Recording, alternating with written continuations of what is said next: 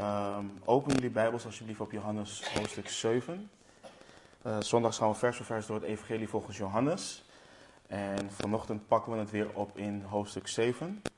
En als er mensen zijn die leenbijbels nodig hebben, steek je hand op en we zullen je voorzien van een leenbijbel. En ehm, hij zal ook uh, gemarkeerd staan op de plek die we vanochtend behandelen. Dus um, het is alleen goed om het woord van God te horen, maar ook om het zelf met je eigen ogen lezen. En dan kunnen jullie ook toetsen wat we hier onderwijzen. Um, mocht je ook notities willen maken, we hebben notitieblokken en pennen. Dus uh, daar kunnen we ook in voorzien. We hebben best wat versen vanochtend, dus laten we openen in gebed. En uh, kijken wat de Heer ons vanochtend wil leren. Heere God, ik, ik wil u danken, Heer. We hebben net gezongen hoe groot u bent, hoe erg wij u nodig hebben, Heer. En Heer, het is allemaal waar, Heer. We hebben u nodig. En uh, vanochtend ook. En um, we zijn hier voor u, om u te loven, u te prijzen, u te aanbidden. Om van u te leren, Heer. En we bidden, Heer, dat u de ogen van ons verstand opent. We bidden dat u onze harten richt op u. Dat u afleiding bij ons vandaan neemt. De zorgen van gisteren, van vandaag en van morgen, Heer. Dat we die in uw handen kunnen leggen en ja, u kunnen aanbidden in geest en waarheid vanochtend. Wees ook bij de kinderen uh, bij de zondagschool. Um, laat ze daar ook op jonge leeftijd u zien, u ervaren, Heer. En um, spreek ook door de leidsters uh, en leiders daarheen. We bidden, vragen en danken u in Jezus' naam. Amen.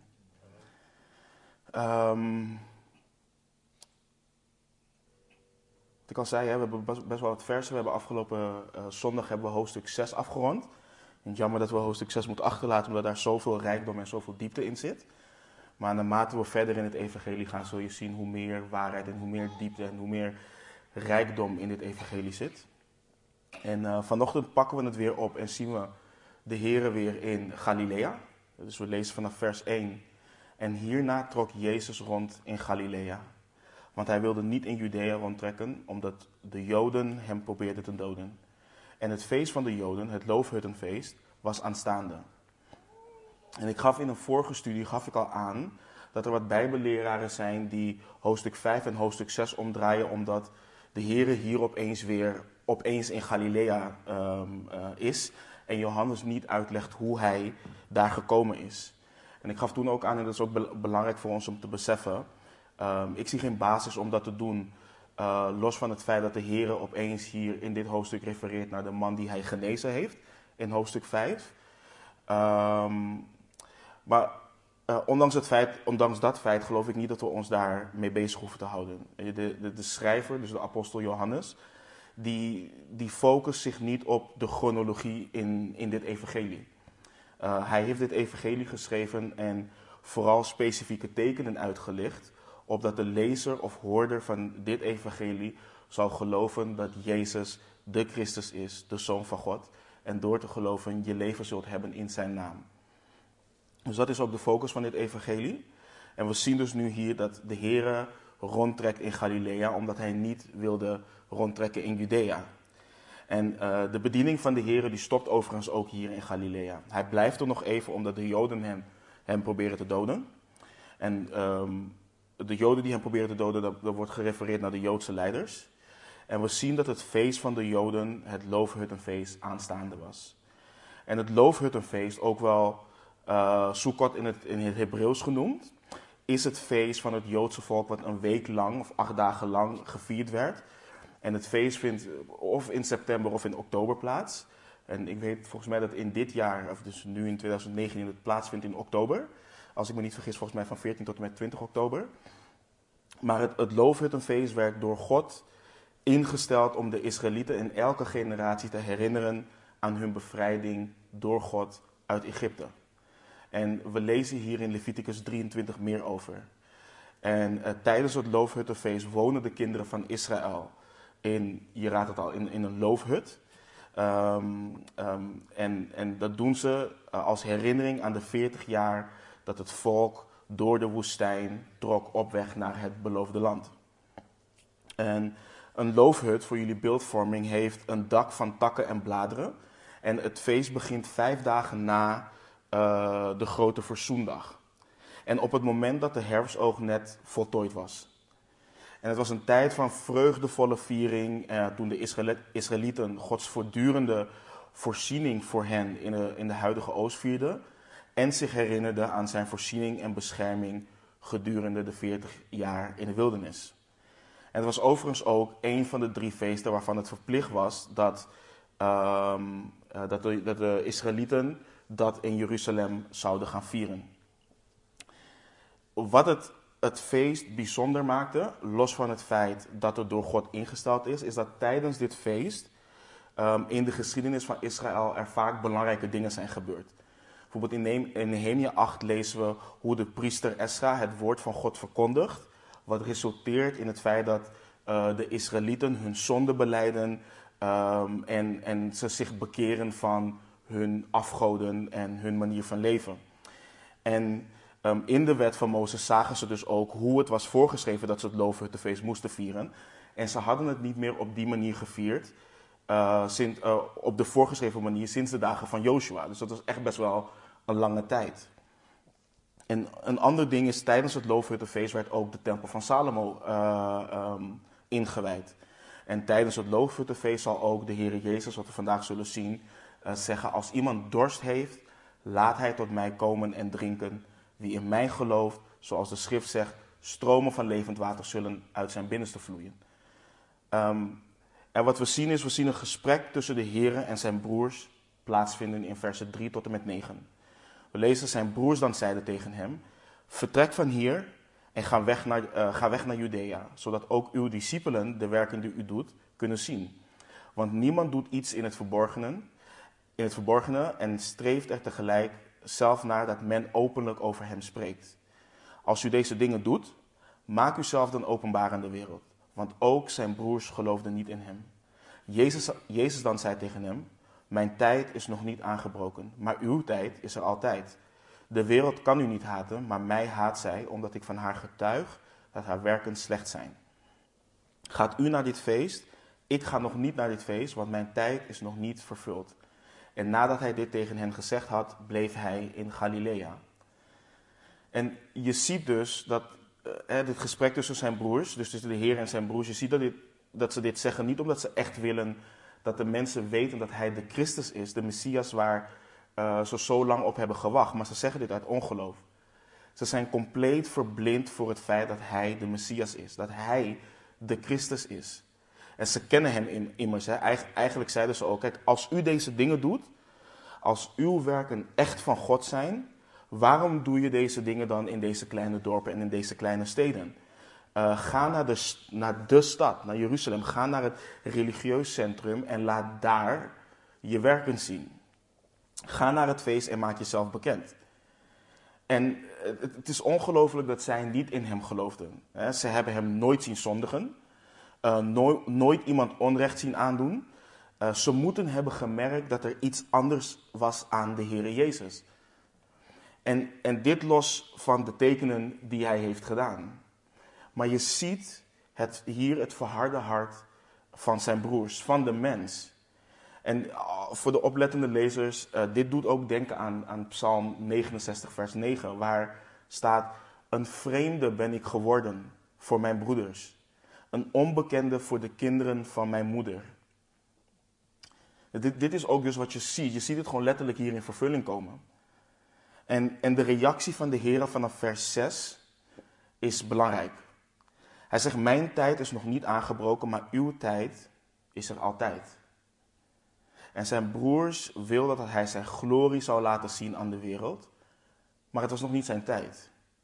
Hij zou en moest eerst lijden voor de wereld, voordat de wereld daadwerkelijk zijn glorie zou kunnen zien.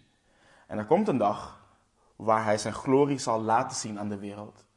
De dag dat de wereld de zoon des mensen zal zien, als hij op de wolken van de hemel komt met grote kracht en heerlijkheid. Die dag komt. Maar die tijd was nog niet aangebroken. En de Heer was dus volledig gehoorzaam aan de wil van de Vader. Hij was niet gekomen om zijn eigen wil te doen of de wil van mensen. Zijn broers die konden doen wat zij wilden. Zij konden altijd op zoek gaan naar hun eigen roem en hunzelf populair maken in en voor de wereld. En daarom zegt de Heer ook, de wereld kan u niet haten. Maar mij haat zij, omdat ik van haar, van haar getuig dat haar werken slecht zijn. Dus, en, en dan is een, een belangrijke vraag, waarom, waarom kon de wereld hun niet haten? En het trieste antwoord is, omdat ze van de wereld waren. daarom is hun tijd er altijd. Maar de Heere, de Heere die wordt, die wordt gehaat. Want hij getuigt van de wereld dat haar werken slecht zijn.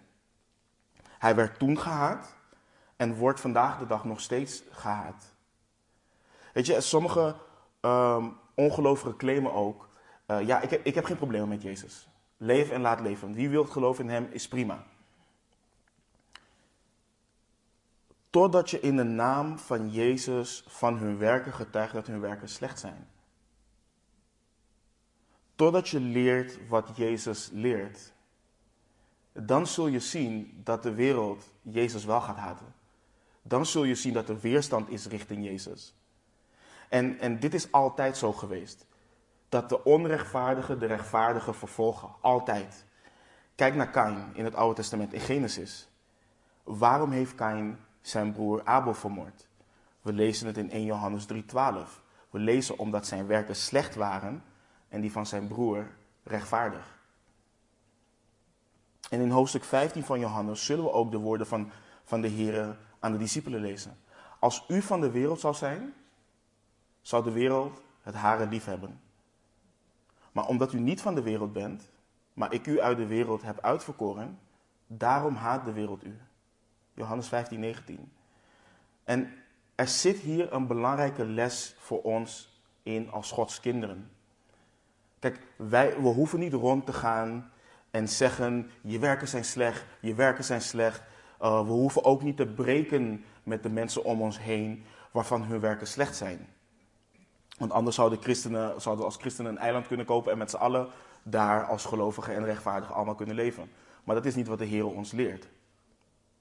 Maar wat, wat wel belangrijk is om te beseffen, is dat als de wereld een christen lief heeft, en daarmee bedoel ik als een vriend of een vriendin of een familielid of wie dan ook zich comfortabel voelt in zijn of haar zonde bij ons, dan klopt er iets niet aan ons getuigenis. Ik, ik, ik heb christenen vaak horen zeggen dat ongelovigen zeggen, ongelovigen zeggen: Weet je, jij bent wel een coole christen. Jij bent wel anders. Jij bent wel, jij bent wel een goede christen. Dit is geen compliment. Het is geen compliment. Een ongelovige kan zich nooit comfortabel voelen door er maar op los te schelden of zich comfortabel te voelen door bijvoorbeeld drugs te gebruiken of seksuele losbandigheid of wat dan ook. Dus begrijp me niet verkeerd, het hoeft niet te leiden tot het feit dat je gaat rondbrullen en zeggen: jullie zijn allemaal slecht, jullie werken zijn slecht. Dat bedoel ik ook niet. En het is ook niet zo dat wanneer je bijvoorbeeld op straat evangeliseert en iemand je bedankt van: wow, zo heb ik het evangelie nog nooit te horen gekregen, bedankt daarvoor. Dat bedoel ik niet, dat, dat is niks slechts. Maar als een, een, een ongelovige bevestigt van, wow, bij jou kan ik gewoon zijn wie ik wil. Jij, jij bent echt een coole christen, jij veroordeelt me niet, of jouw levensstijl veroordeelt me niet, dan klopt er echt iets niet aan ons getuigenis. Dan heeft de wereld jou lief. En, en dat kan dus niet. En ik zeg dit niet omdat we beter zijn. Dat zeg ik niet. We zijn niet beter, we zijn vergeven en we zijn begenadigd. Dus we gaan niet rondlopen en doen alsof wij beter zijn dan mensen die niet gerechtvaardigd zijn. Dat zijn we niet. Maar we zijn wel vergeven en we zijn begenadigd. En we zijn ook geroepen om heiligen te zijn die, ons, die het licht van Christus laten schijnen in de wereld. Die het zout der aarde zijn. En als je goed bedenkt wat de functie van zout is, zout ontsmet. Het heeft een ontsmettend effect. En dat is dus heel belangrijk om te beseffen. Men kan niet hetzelfde blijven in onze omgeving. Toen ik bijvoorbeeld Delano leerde kennen en andere christenen om me heen, zag ik dat deze mensen anders waren. En ik was toen nog ongelovig. En ik was, ik was grof. Ehm, ik, ik hield van de dingen van de wereld. En ik zag dat zij anders waren. Ze gingen anders door het leven. En ik voelde me daarin veroordeeld. Ik kon niet de persoon blijven die ik was in hun buurt. Ik voelde me automatisch gewoon veroordeeld. Ik kon niet praten op de manier waarop ik wilde praten. En iets in, in, in mij veroordeelde me en maakte het me zo dat ik me niet kon gedragen op die manier. En zo is het ook veranderd toen ik me bekeerde. Mijn collega's konden niet meer met hun verhalen over bijvoorbeeld one-night stands of wat dan ook bij mij terecht. Ik accepteerde die dingen niet meer, omdat het niet van God is. En, en de vraag aan een ieder van ons is, hoe kijkt de wereld naar jou? Hoe kijkt de wereld naar mij? Houd de wereld van jou. En denk na over de relaties die je hebt en hoe je daarmee omgaat. Paulus schrijft ook in 1 Korinthe 15, vers 33: Dwaal niet. Slecht gezelschap bederft goede zeden. En nogmaals, ik loop hier niet te zeggen we moeten breken met ongelovigen. Dat, is niet wat de Bijbel leert. Dat is ook niet wat ik zeg. Maar de, de, mate en de vorm van heiligheid waar de Heer ons toe oproept, dat hoort ook wat te doen richting de mensen om ons heen. En de Heer gaat verder in vers 8. Gaat u naar dit feest? Ik ga nog niet naar dit feest, want mijn tijd is nog niet vervuld. En nadat hij dit tegen hen gezegd had, bleef hij in Galilea. Zo zien dat de Heer weigert om naar het feest te gaan. Hij spoort hun, hun aan om te gaan, aangezien hun tijd er altijd is. Zij kunnen daar altijd zijn. En we zien, hij hield zich aan de perfecte wil van zijn vader. Hij bleef in Galilea. Maar toen zijn broers naar het feest gegaan waren, toen ging hij ook zelf naar het feest. Niet openlijk, maar als in het, maar als in het verborgen. En we zien hier eigenlijk waarom de Heer niet meeging naar het feest. Sommige mensen zeggen hier, we hebben de Heer op een leugen betrapt, op een misleiding. Dat is niet zo. Hij ging in het verborgen, want in die tijd als je samen reisde, en vooral voor, voor, voor het feest, of vooral voor een feest, dan kwam je in grote groepen kwam je de stad binnen. En wanneer je dan de stad in zou komen lopen, dan wist iedereen dat je er was. En we zien hier dat de Heer in het verborgen ging om dus niet gespot te worden, maar ook omdat de Joden hem willen doden. Dus die leert ons ook dat we niet zomaar onszelf in gevaar moeten brengen omdat wij denken van, hé hey, weet je, we zijn toch beschermd door God of wat dan ook. We moeten opereren onder de wil en onder de tijd van God en niet onze eigen tijd. En de Joden dan zochten hem op het feest en zeiden, waar is hij?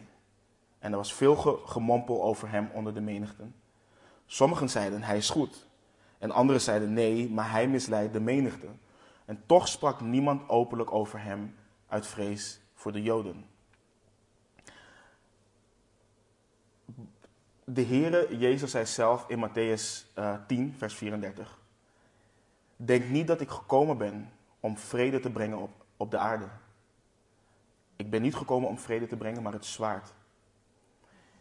Iedereen heeft mening over Christus. Dat is niet alleen nu zo. Dat was toen al, dat zien we hier. En hier zie je dat de Heer veel teweeg brengt. Soms vragen we ons af, waarom zijn er zoveel denominaties? Waarom is er zoveel scheiding? En je ziet dat wanneer het woord van God gepredikt wordt, wanneer de woorden van de Heer Jezus gesproken wordt, dan doet dat iets met mensen. En dit heeft niets te maken met het woord van God in negatieve zin.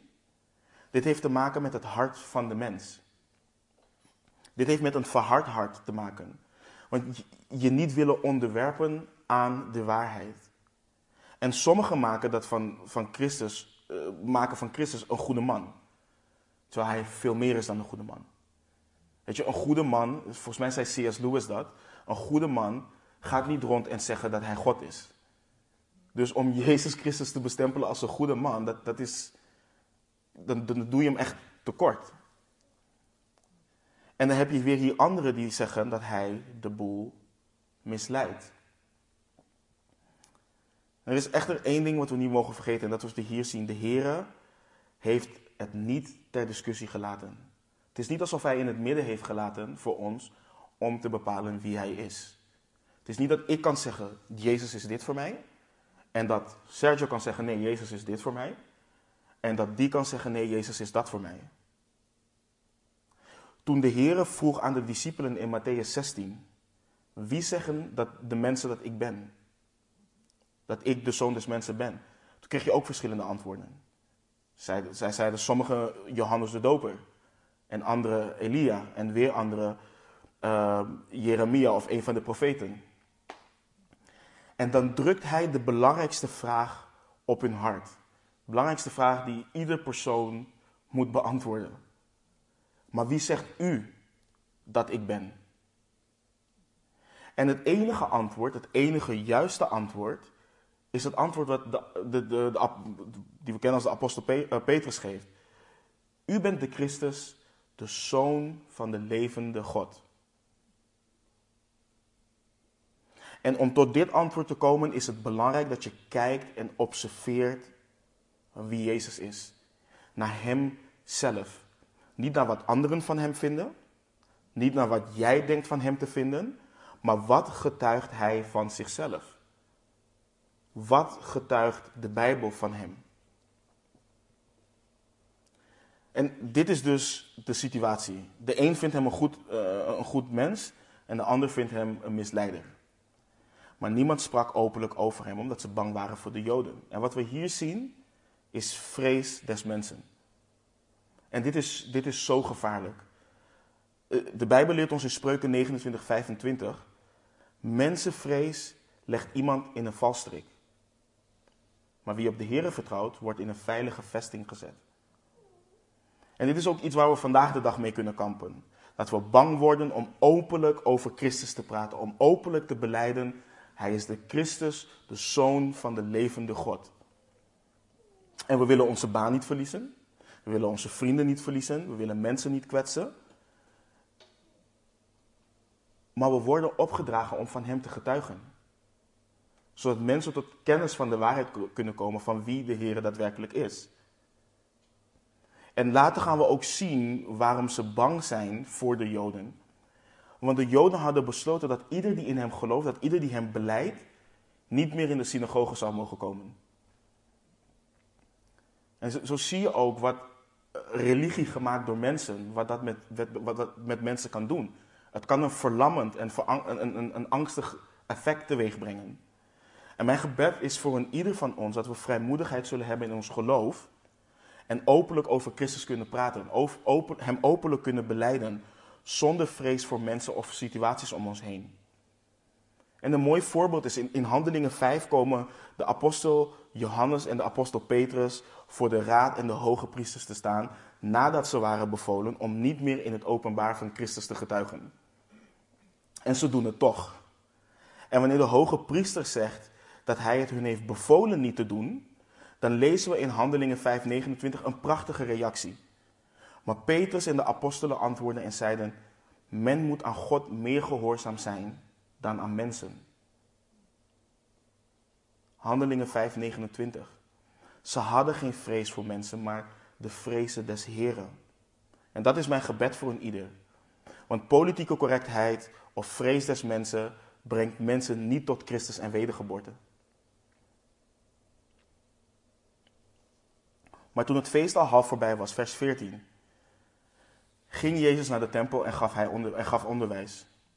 En de Joden verwonderden zich en zeiden: Hoe kent hij de schriften zonder daarin onderwezen te zijn? Dus ik, had, ik had graag willen weten wat hij hier had onderwezen.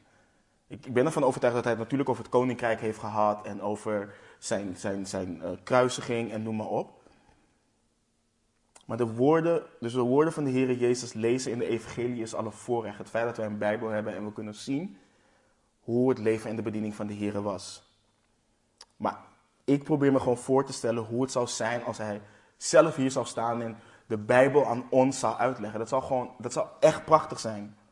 Maar hij was in de tempel en gaf onderwijs. En wat hij precies onderwees, dat kunnen we in verschillende evangelieën wel zien, maar hier weten we dat niet precies. Maar we zien dat de Joden zijn vijanden zich verwonderden over zijn onderwijs. Hoe kent hij de schriften zonder daarin onderwezen te zijn? En dit, dit laat ook hun, hun arrogantie zien, want het, het, was hetzelfde met Johannes de Doper, wat we in hoofdstuk 1 hadden gelezen. Een menigte kwam naar hem toe en mensen lieten zich dopen. En wie heeft Johannes de autoriteit gegeven om dat te doen? Zij in ieder geval niet. En nu de Heere Jezus ook. Hij had niet gestudeerd onder de rabbies van die tijd. Hoe kon hij op die manier onderwijzen? En je, je moest in die tijd eerst hebben gestudeerd onder een rabbi. En als jouw rabbi een belangrijke en gerespecteerde rabbi was, dan erkenden ze jouw onderwijs. Dan konden ze naar jou luisteren. En Zo kun je zien, dus je ziet dat hij met autoriteit de schrift onderwijst. En het verschil tussen wat de Heer Jezus deed en wat de rabbies deden, is zij quoten gewoon, zij citeerden elkaar. Rabbi Fiorenza zei dit, dit, dit, dit over de schrift. Rabbi Kort zei dit over de schrift. Dat is hoe zij onderwezen. Dus dat is de manier waarop zij onderwijs gaven. En als je dan een, een belangrijke rabbi citeerde, oh ja, nee, dat was een man vol wijsheid. Dus het was gewoon, ze gaven gewoon door wat ze, wat ze hadden ontvangen, maar de heren niet. De heren die onderwees met autoriteit. En vandaag de dag heb je dit ook. Onder voorgangers. Oh, welke theologische studie heb jij gedaan? Welke hoeveel theologische opleidingen heb je gedaan? En alsof dat moet valideren uh, dat je de schrift kent en ook nog eens bekwaam bent om, om te onderwijzen. En, en, en begrijp me niet, ik, ik ben niet tegen theologische opleidingen.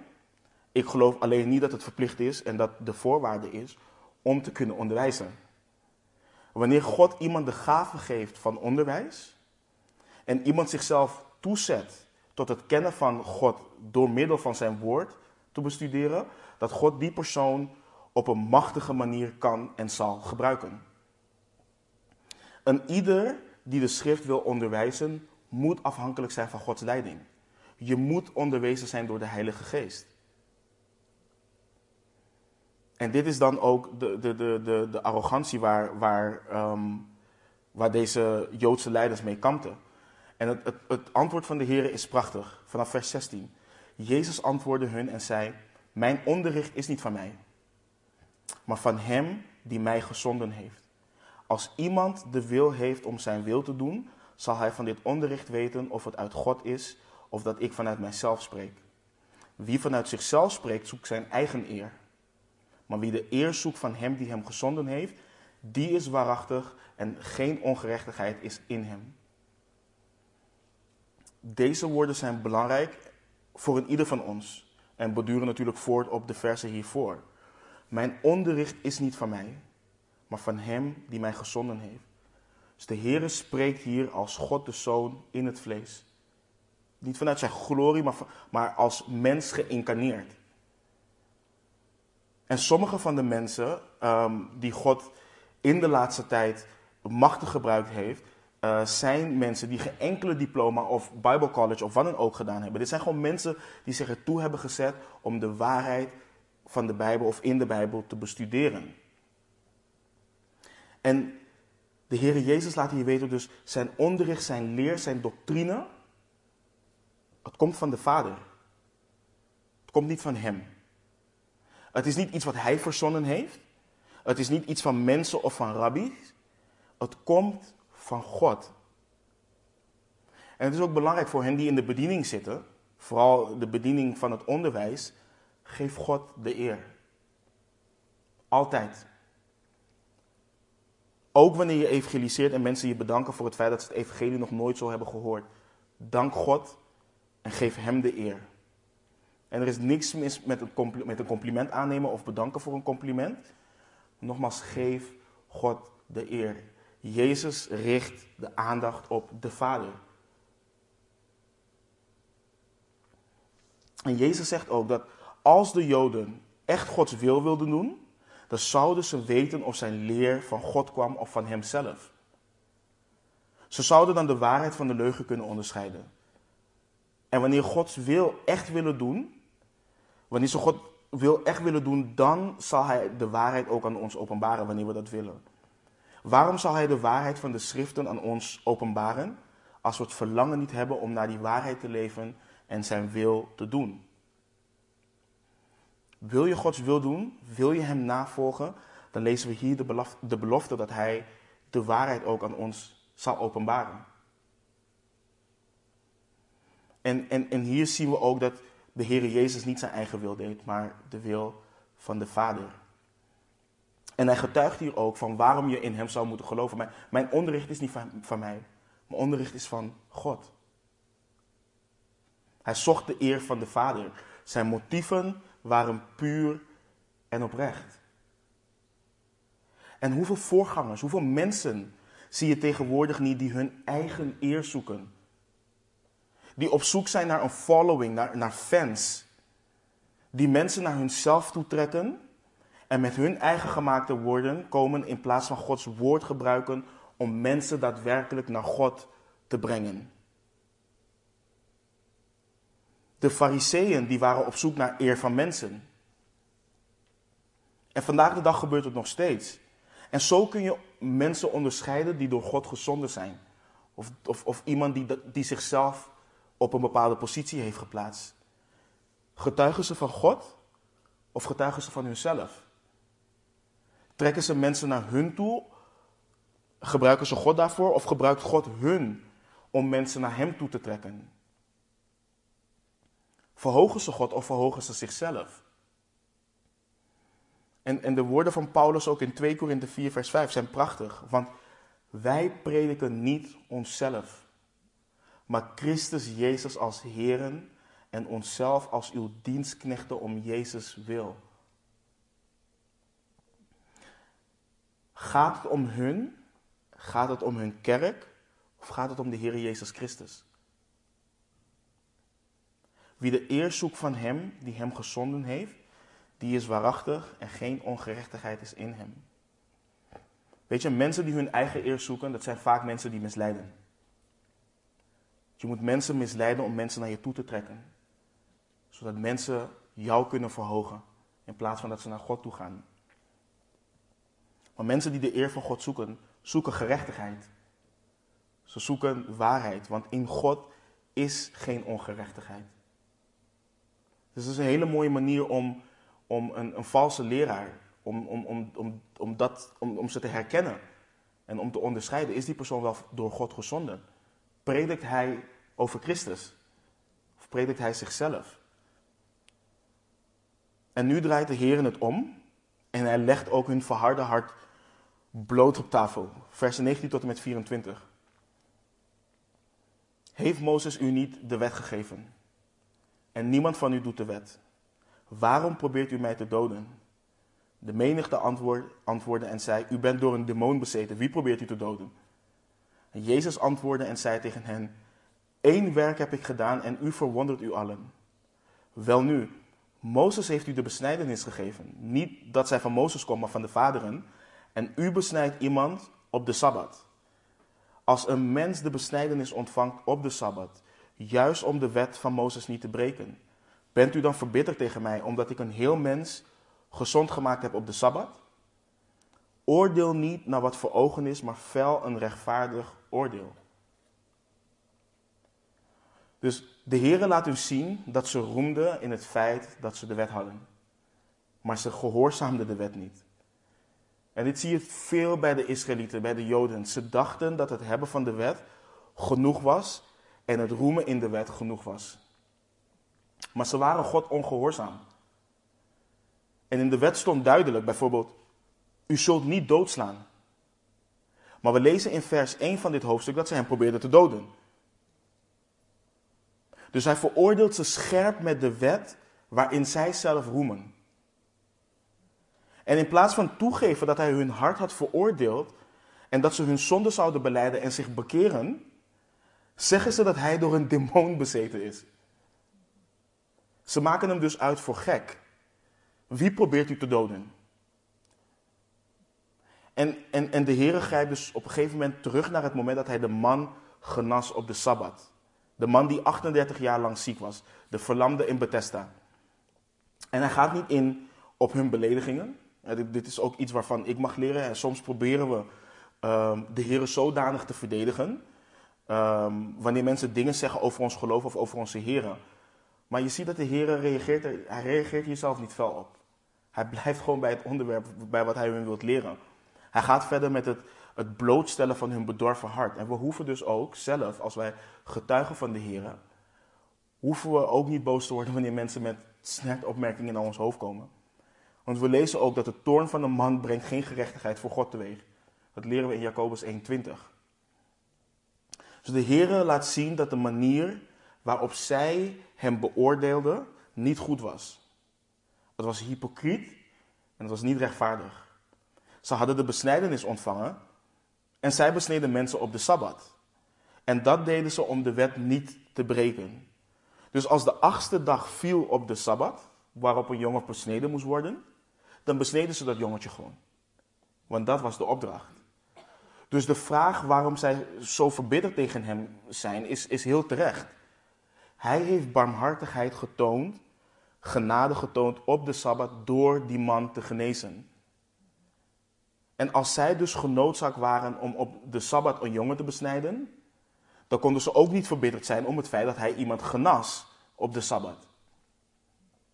En daarom zegt hij ook, oordeel niet wat voor ogen is, maar fel een rechtvaardig oordeel. Oordeel niet op basis van uiterlijke vertoning, maar op basis van de realiteit, op basis van hartsgesteldheid. En dat is, voor, dat is voor ons ook belangrijk, want soms beoordelen wij ook op basis van uiterlijk vertoon, op basis van wat naar de ogen is. We moeten kijken naar hartsgesteldheid, wanneer wij beoordelen of wanneer wij oordelen. De Heer had de wet van Mozes niet gebroken. Zij waren juist ongehoorzaam aan de wet en hadden hun hart en zinnen gezet op moord, terwijl de wet dat duidelijk verbood. Of verbad, sorry. Laten wij daarin ook nederig zijn in ons hart en mensen niet oordelen op uiterlijk vertoon. Niet iedereen die claimt een christen te zijn, is een christen. En je kunt heel godsdienstig overkomen. En in je hart kun je zo ongelovig zijn als het maar kan. En niet iedereen die een misstap zet, is gelijk geen christen meer. Laten we genadig zijn en kijken naar de vrucht. Laten we toetsen aan de hand van de schriften en niet aan de hand van uiterlijk vertoon. Fel een rechtvaardig oordeel. Dat is echt belangrijk. En sommige dan van de inwoners van, van Jeruzalem zeiden vanaf vers 25: Is hij het niet die zij proberen te doden? En zie, hij spreekt vrij uit. En zij zeggen niets tegen hem. Zouden onze leiders soms werkelijk tot de erkenning zijn gekomen dat hij werkelijk de Christus is?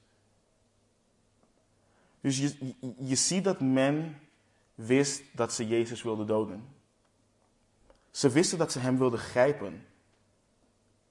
En eerder, op, eerder in, in de versen zeggen ze: U bent bezeten door een demon. Wie probeert u te doden? Maar de menigte wist het. Dus het was iets wat openlijk, open en bloot was. Mensen wisten dat ze dit wilden doen. En ze waren verbaasd over het feit dat hij vrij uitsprak en onderwijs gaf. Dus ze vroegen zich daarom af of ze toch tot de conclusie zijn gekomen dat hij de Christus was die, die komen zou. En het rare is, ze willen dat beoordelen of ze willen dat bevestigen op basis van wat de Joodse leiders zouden denken. Zoals de Joodse leiders zouden zeggen: Oh, wow, dit is de Christus, dan zouden ze dat geloven. Maar ze moesten aan de hand van de schrift toetsen of hij de Christus is, ja of nee. En ook zo is het voor ons belangrijk dat wij aan de schrift moeten toetsen wat er ook bijvoorbeeld hier wordt onderwezen of wat iemand anders zegt over de Heer Jezus of wat dan ook. Je kunt niet zomaar aannemen dat wat ik hier zeg, en ik ga ervan uit dat ik ook de waarheid spreek, maar dat ik, wat ik hier zeg zomaar waar is. Je moet het zelf toetsen in je Bijbel. En ze gaan verder. Maar van hem weten wij waar hij vandaan komt. Wanneer echter de Christus komt, weet niemand waar hij vandaan komt. En de Joden dachten dat de Messias uit het niets op het toneel zou verschijnen. Ze kenden de moeder van Jezus, ze kenden Jozef, waarvan ze dachten dat het zijn vader was. En in Jesaja 7, vers 14 stond er dat de maagd zwanger zal worden. Zij zal een zoon baren en hem de naam Immanuel geven. Hoe kan dat dan als Jozef zijn vader is?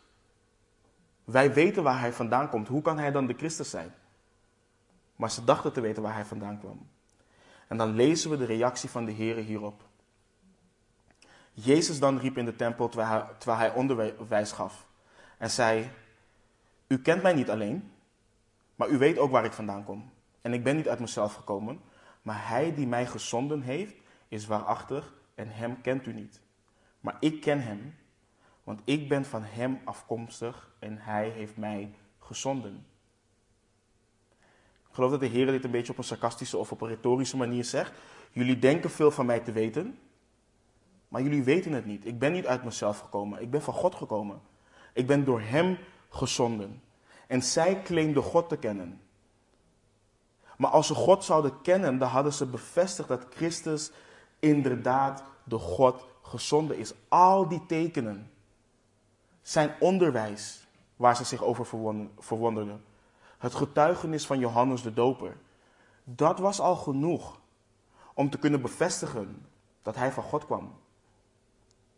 En als ze zijn leven hadden getoetst aan de hand van de schriften, hadden ze moeten bevestigen, dit is werkelijk de Christus. En daarom zegt hij, zegt hij ook, jullie kennen hem niet. Maar hij kent God wel, hij is van hem afkomstig. God heeft hem gezonden en we mogen God daar dankbaar voor zijn dat God hem heeft gezonden. En in vers 30 lezen we, zij probeerden hem dan te grijpen, maar niemand sloeg de hand aan hem, want zijn uur was nog niet gekomen. En velen uit de menigte kwamen tot geloof in hem en zeiden, wanneer de Christus komt zal hij toch niet meer tekenen doen dan hij gedaan heeft? De fariseeën hoorden dat de menigte dit over hem mompelde. En de fariseeën en de overpriesters, overpriesters stuurden dienaars om hem te grijpen. Weet je, de, de, de woorden van Jezus bracht woede in hun naar boven. Voor hun was dit pure en pure godslastering. Dat hij van God kwam. En hun ijver voor God was misplaatst. En ze werden niet geleid door hun liefde voor God, maar door hun eigen religieuze ideeën. En soms, soms zie je dit ook, je ziet dit vandaag de dag ook. Hè? Dus je hebt mensen die machtig gebruikt worden door God. En dan kom je iemand tegen uit een bepaalde denominatie. En die zegt tegen jou: Hé, hey, maar spreek jij in tongen? Nee, maar dan kan je niet wedergeboren zijn. Dan kan je niet van God zijn. Maar dan kijk je naar wat God door die persoon heen doet. Dan kun je toch niet zeggen dat die persoon niet van God is. Maar door hun eigen religieuze ideeën, net zoals de fariseeën, zeggen ze: Nee, maar jij kan niet van God zijn. Jij bent niet wedergeboren, want je spreekt niet in tongen, je geneest niet. Je doet dit niet. En ze wilden hem grijpen, maar het lukte niet, want zijn uur was nog niet gekomen. Want voor mij is het een geruststelling dat Gods plannen niet door mensen verstoord kunnen worden. Het is de timing van God wat bepaalde dat de Heer als een offer gegeven zou worden voor de zonde van de wereld. En de woede van deze mannen, hoe boos ze ook waren, zou daar niets aan veranderen. En, en ik weet niet of dit, op, uh, of dit oprecht geloof was, hè, waar, waar, waarvan staat, velen uit de menigte kwamen tot geloof. Um, dus ik ga daar niet dogmatisch over doen, maar wat wel mooi is om, om te lezen, is dat de tekenen een reden waren om te geloven dat Hij de Christus is. En zijn woorden. En hoe je het went of keer, zijn werken getuigden van Hem. En in Jesaja lees je, in Jesaja 35, versen 5 en 6, lees je ook het volgende. En misschien baseerden ze daar hun beleidenis ook op. In Jesaja 35 eh, lees je, dan zullen de ogen van de blinden worden opengedaan. De oren van de doven zullen worden geopend. Dan zal de kreupele springen als een hert, de tong van de, van de stomme zal juichen. Want in de woestijn zullen wateren zich een weg banen en beken in de wildernis. En wat we weten, nogmaals, als, we het Oude Testament um, neerleggen, of het naast leggen, de, leggen naast de um, bediening en het leven van Christus, dan, zien we al deze dingen in vervulling komen in zijn leven. Dat, in, dat alle kleine details wat God heeft voorspeld over de Messias, dat die in vervulling kwamen in de bediening van de Heer Jezus Christus. En deze beleidenis maakte de fariseeën woedend en de overpriesters. Het bracht ze in verlegenheid en ze begonnen hun grip te verliezen over het, over het volk. Zie, ik, ik heb het ook vaak meegemaakt dat mensen dan bijvoorbeeld vanuit een andere kerk naar een, een, een andere kerk gaan. En waar het woord wordt onderwezen bijvoorbeeld. En dan worden de mensen in de kerk waar ze eerst waren, die worden woedend. Want ze verliezen, even zo gezegd, de schapen. En je ziet hier dat de fariseeën ook met de, de controle verliezen over, over de menigte, over het volk. Want als iedereen de Heer Jezus begon na te volgen, dan zouden ze snel zonder volgelingen achterblijven. Dus ze sturen mensen om de Heer Jezus te grijpen. En Jezus dan zei tegen hem, nog een korte tijd ben ik bij u En dan ga ik heen naar hem die mij gezonden heeft.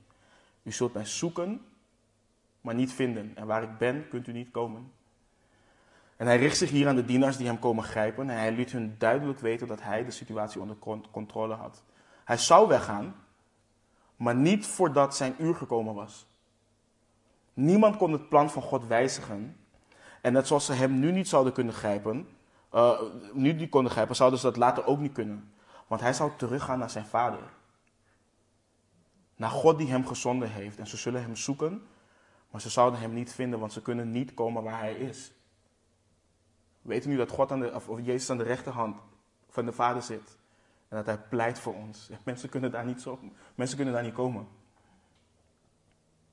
En wanneer een persoon sterft in zijn of haar zonden, dan kan die persoon niet komen waar Christus is.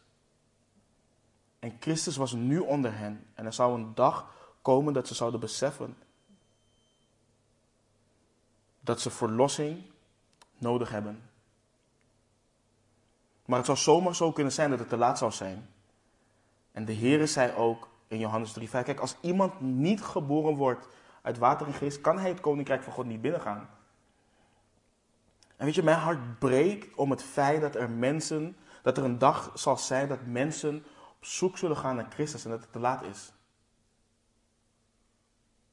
En laten we dus bidden, en ik, ik, ik roep het vaker op in de studies, laten we bidden voor de mensen om ons heen.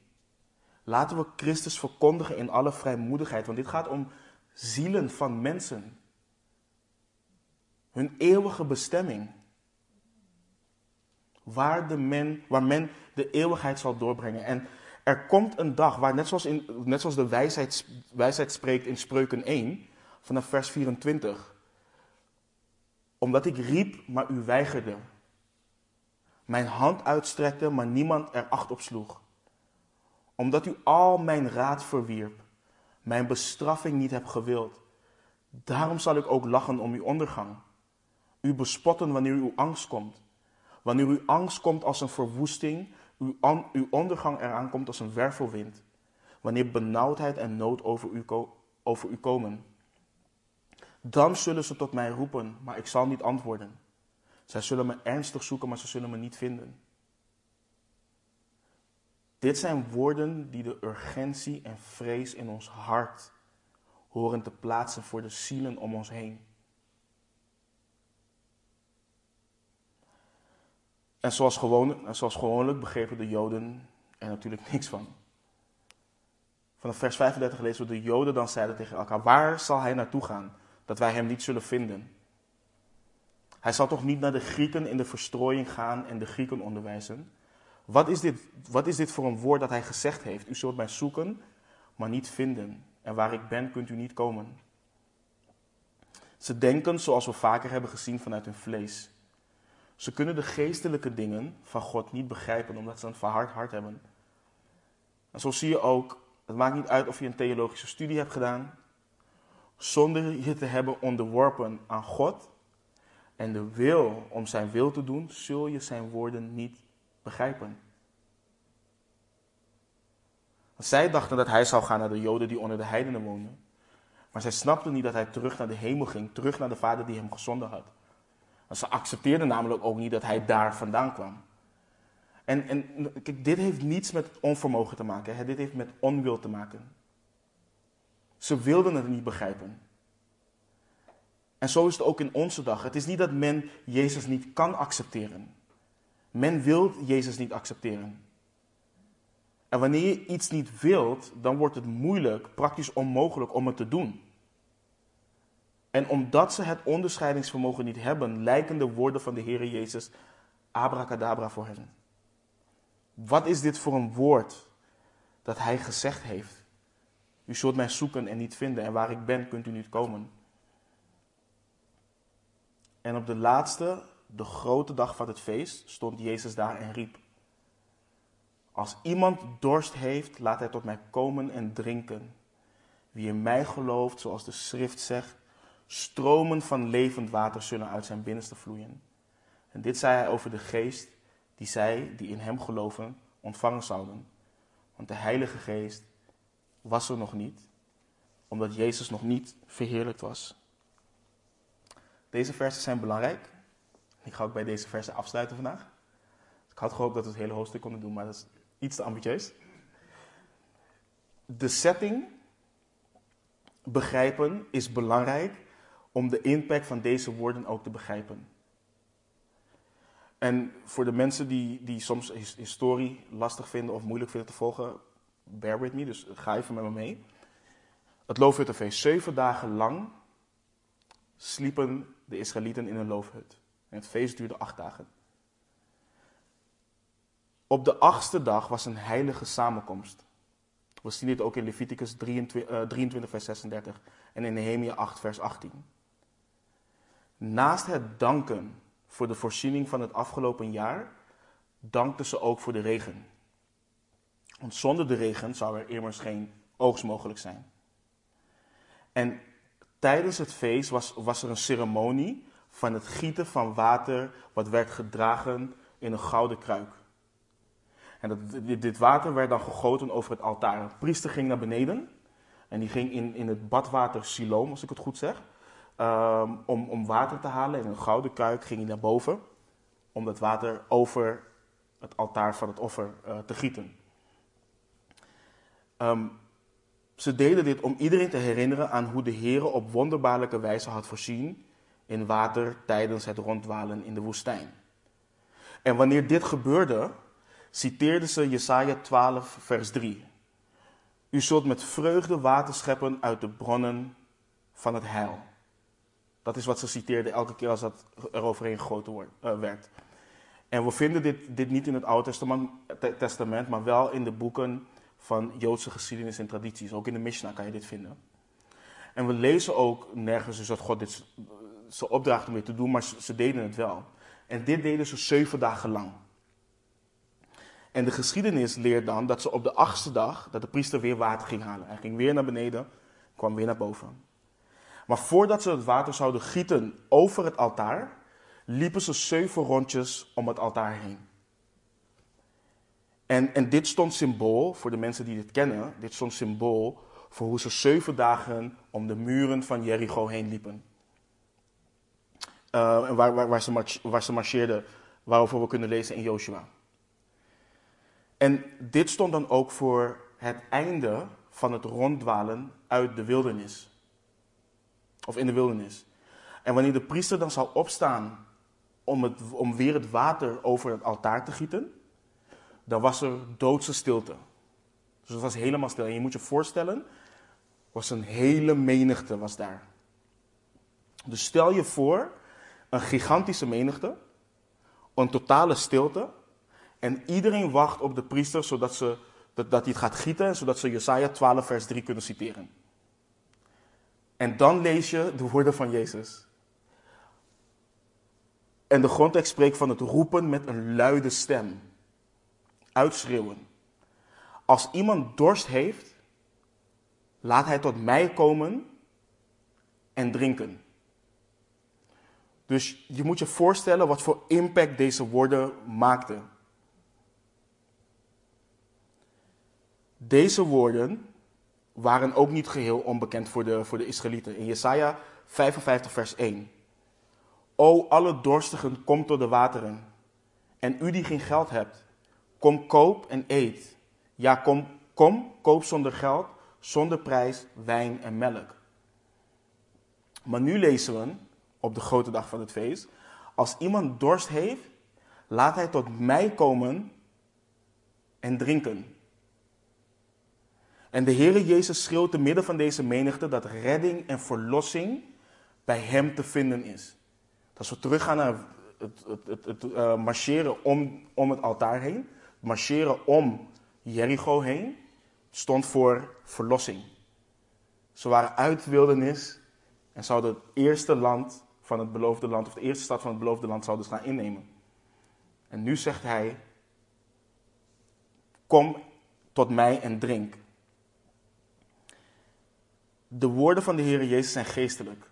Dit gaat niet over lichamelijke dorst. En, en let, op, let ook op wat er staat. Het valt opdat er staat als iemand dorst heeft en niet wanneer iemand dorst heeft. Hij biedt redding aan een ieder die het wilt. een ieder die erkent het nodig te hebben. En mij leert dit onder andere dat allen dit eigenlijk horen te voelen, dat ze een redding nodig hebben, maar slechts weinigen dit echt voelen en erkennen. En je ziet drie belangrijke dingen. Je moet dorst hebben. Je moet erkennen dat je dorst hebt. Je moet komen en je moet drinken. Je moet de zwaarte. En volgens mij, ik weet wij die, jullie die tot geloof zijn gekomen. Ik weet dat het bij mij zo was. Je moet de zwaarte van je zonde voelen en de leegte in je ziel. Het feit dat je te vergeefs op zoek bent naar het vullen van die leegte die je in je hebt. Dat de leegte die je probeert te vullen met de zonde, dat het je eigenlijk kapot maakt en dat je daarvan verlost wil worden. Bij mij kwam het met de vraag: wat gebeurt er als we doodgaan? En dat ik op een gegeven moment kwam tot, tot het besef dat er, dat er echt een zin van het leven is. En dat ik dat niet vervulde op dat moment, dat ik daar niet in leefde. En dat alles wat ik probeerde te doen om dat te, om dat te vervullen, dat het te vergeefs was. En dat ik een zonde was. En je begint, wanneer je dat erkent, dan drukt de zwaarte van de zonde als een baksteen gewoon op je. En de volgende stap dan, als je dat erkent, is dat je moet komen tot Christus. En je kan dus alleen naar Christus komen. Niet naar de kerk, niet naar een priester, niet naar een voorganger, niet naar de paus, niet naar Allah, niet naar Boeddha, alleen naar Jezus Christus. Niet de waterdoop, geen zeven Ave Maria's en acht Onze Vaders en dat soort dingen. Die dingen zullen je niet redden. Alleen Christus. En dan sta je voor Hem. En je beleidt je zonden. Je bekeert je. Je legt je vertrouwen in Hem. Het is niet genoeg om te komen tot Christus en te erkennen: Jezus is de Zoon van God. Ja, oké. En ik ga weer verder. En gisteren waren we, met, waren we als groep mannen eh, waren we onder elkaar en we hadden het ook over. Je hoort tegenwoordig heel veel over het, het zondagsgebed, de sinner's prayer. Je ziet dat nergens terug in de Bijbel. Vraag Jezus om in je hart te komen. Nee, je moet je zonde beleiden, je moet je bekeren. Dat is wat de Bijbel leert. Geloven in Jezus Christus. Christus kan niemand redden die niet in Hem gelooft. Die Hem niet aanneemt als redder en verlosser. En als je dat even kijkt, bijvoorbeeld als je een, een, ik ben niet echt van de analogieën, maar wanneer je naar een koelkast gaat wanneer je, en je hebt dorst, kun je er naar kijken en alsnog niet je dorst lessen, want je pakt geen drinken uit de koelkast en drinkt niet. Je moet daadwerkelijk drinken pakken om te drinken. Dus kijken naar water lest je dorst niet. Het drinken van het water is wat je dorst lest. Dus je moet je vertrouwen leggen in Christus. Beleiden, geloven dat Hij Heer en Meester is. En je ziet dat vers 38 ook leert dat drinken en geloven in Christus hetzelfde zijn. Wie in mij gelooft, zoals de schrift zegt, stromen van levend water zullen uit zijn binnenste vloeien. En dit zei hij over de geest, die zij die in hem geloven ontvangen zouden, want de Heilige Geest was er nog niet, omdat Jezus nog niet verheerlijkt was. En dit is, dit is belangrijk voor ons.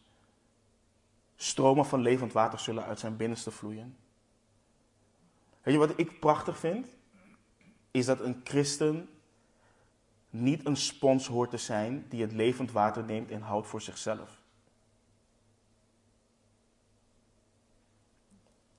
Een kenmerk van een kind van God is dat ze verzadigd zullen zijn, maar ook dat ze zoveel goedheid van God krijgen dat ze ook een zegen voor anderen zullen zijn.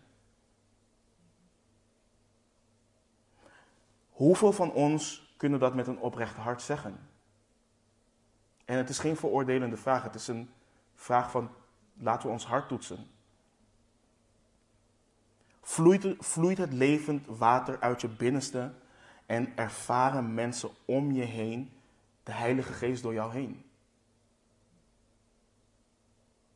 Weet je, als je het bekijkt als een vat, een watervat, wanneer loopt dat vat over? Wanneer stroomt het over? Wanneer het vol is en erbij gegoten blijft worden dan stroomt het over. En dan is de vraag, ben jij vol van God? Ben je vol van de Heilige Geest? Ben je vol van Christus?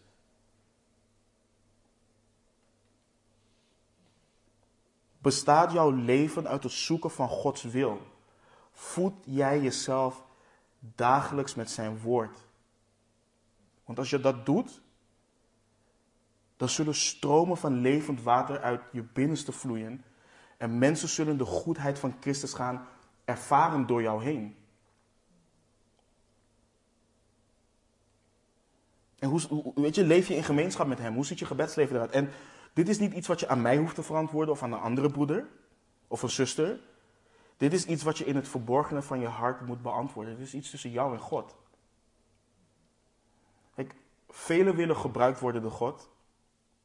Velen, willen geleid worden door de geest. Maar zijn niet vol van de geest, want ze voeden zich niet met dingen van de geest. Dus de vraag is, hoe zit het bij jou en hoe zit het bij mij? Laten we bidden. Heere God, ik wil u danken, Heer, voor het feit dat u zo goed bent, Heer. Heer, dat u hoofdstuk na hoofdstuk, vers na vers laat zien, Heer, hoe belangrijk het is en hoe afhankelijk we van u zijn, Heer. Hoeveel u van, u, hoeveel u van ons houdt, Heer. En wat u in en door ons leven heen wilt doen, Heer. Heer, dat wij als instrumenten in uw, in uw handen gebruikt kunnen worden voor de wereld om ons heen, Heer. Omdat u niet wil dat mensen verloren gaan. Dat u wil dat mensen zich bekeren en eeuwig leven hebben in u. En Heer, ik bid dat het begint bij onszelf, Heer. Dat wij, dat wij ons compleet wijden, zoals Paulus ook schrijft in Romeinen 12, als levende offers voor u, Heer. Leer ons wat dat betekent. Leer ons hoe dat eruit ziet, Heer. Geef ons een verlangen, een passie, een drang om uw woord tot ons te nemen, Heer. En om u te gehoorzamen en om te leven naar uw wil en geleid door uw geest, Heer. En ik bid ook dat stromen van levend water uit ons binnenste zullen voortvloeien, Heer. Dat u ons zult gebruiken, Heer, nogmaals als instrumenten in uw handen. Dat u alle eer en glorie zult krijgen, Heer. En ik bid dat ook voor een ieder van ons, Heer, dat wij u altijd alle eer en glorie geven. Heer, en laat het dicht bij ons huis beginnen, Heer, bij ons gezin, onze partners, onze kinderen, onze ouders, collega's, vrienden, broeders en zusters ook, Heer. Laten we uw goedheid ervaren door elkaar en zien in elkaar, bij elkaar. En ik dank u, Heer, nogmaals. Ik bid u dat u dit ja, beschikbaar hebt gesteld voor ieder van ons, Heer. Dat u uw geest aan ons gegeven hebt, Heer. Dat u ons niet als wezens hebt achtergelaten. We loven en prijzen uw naam, Heer. En bidden al deze dingen in Jezus' naam. Amen.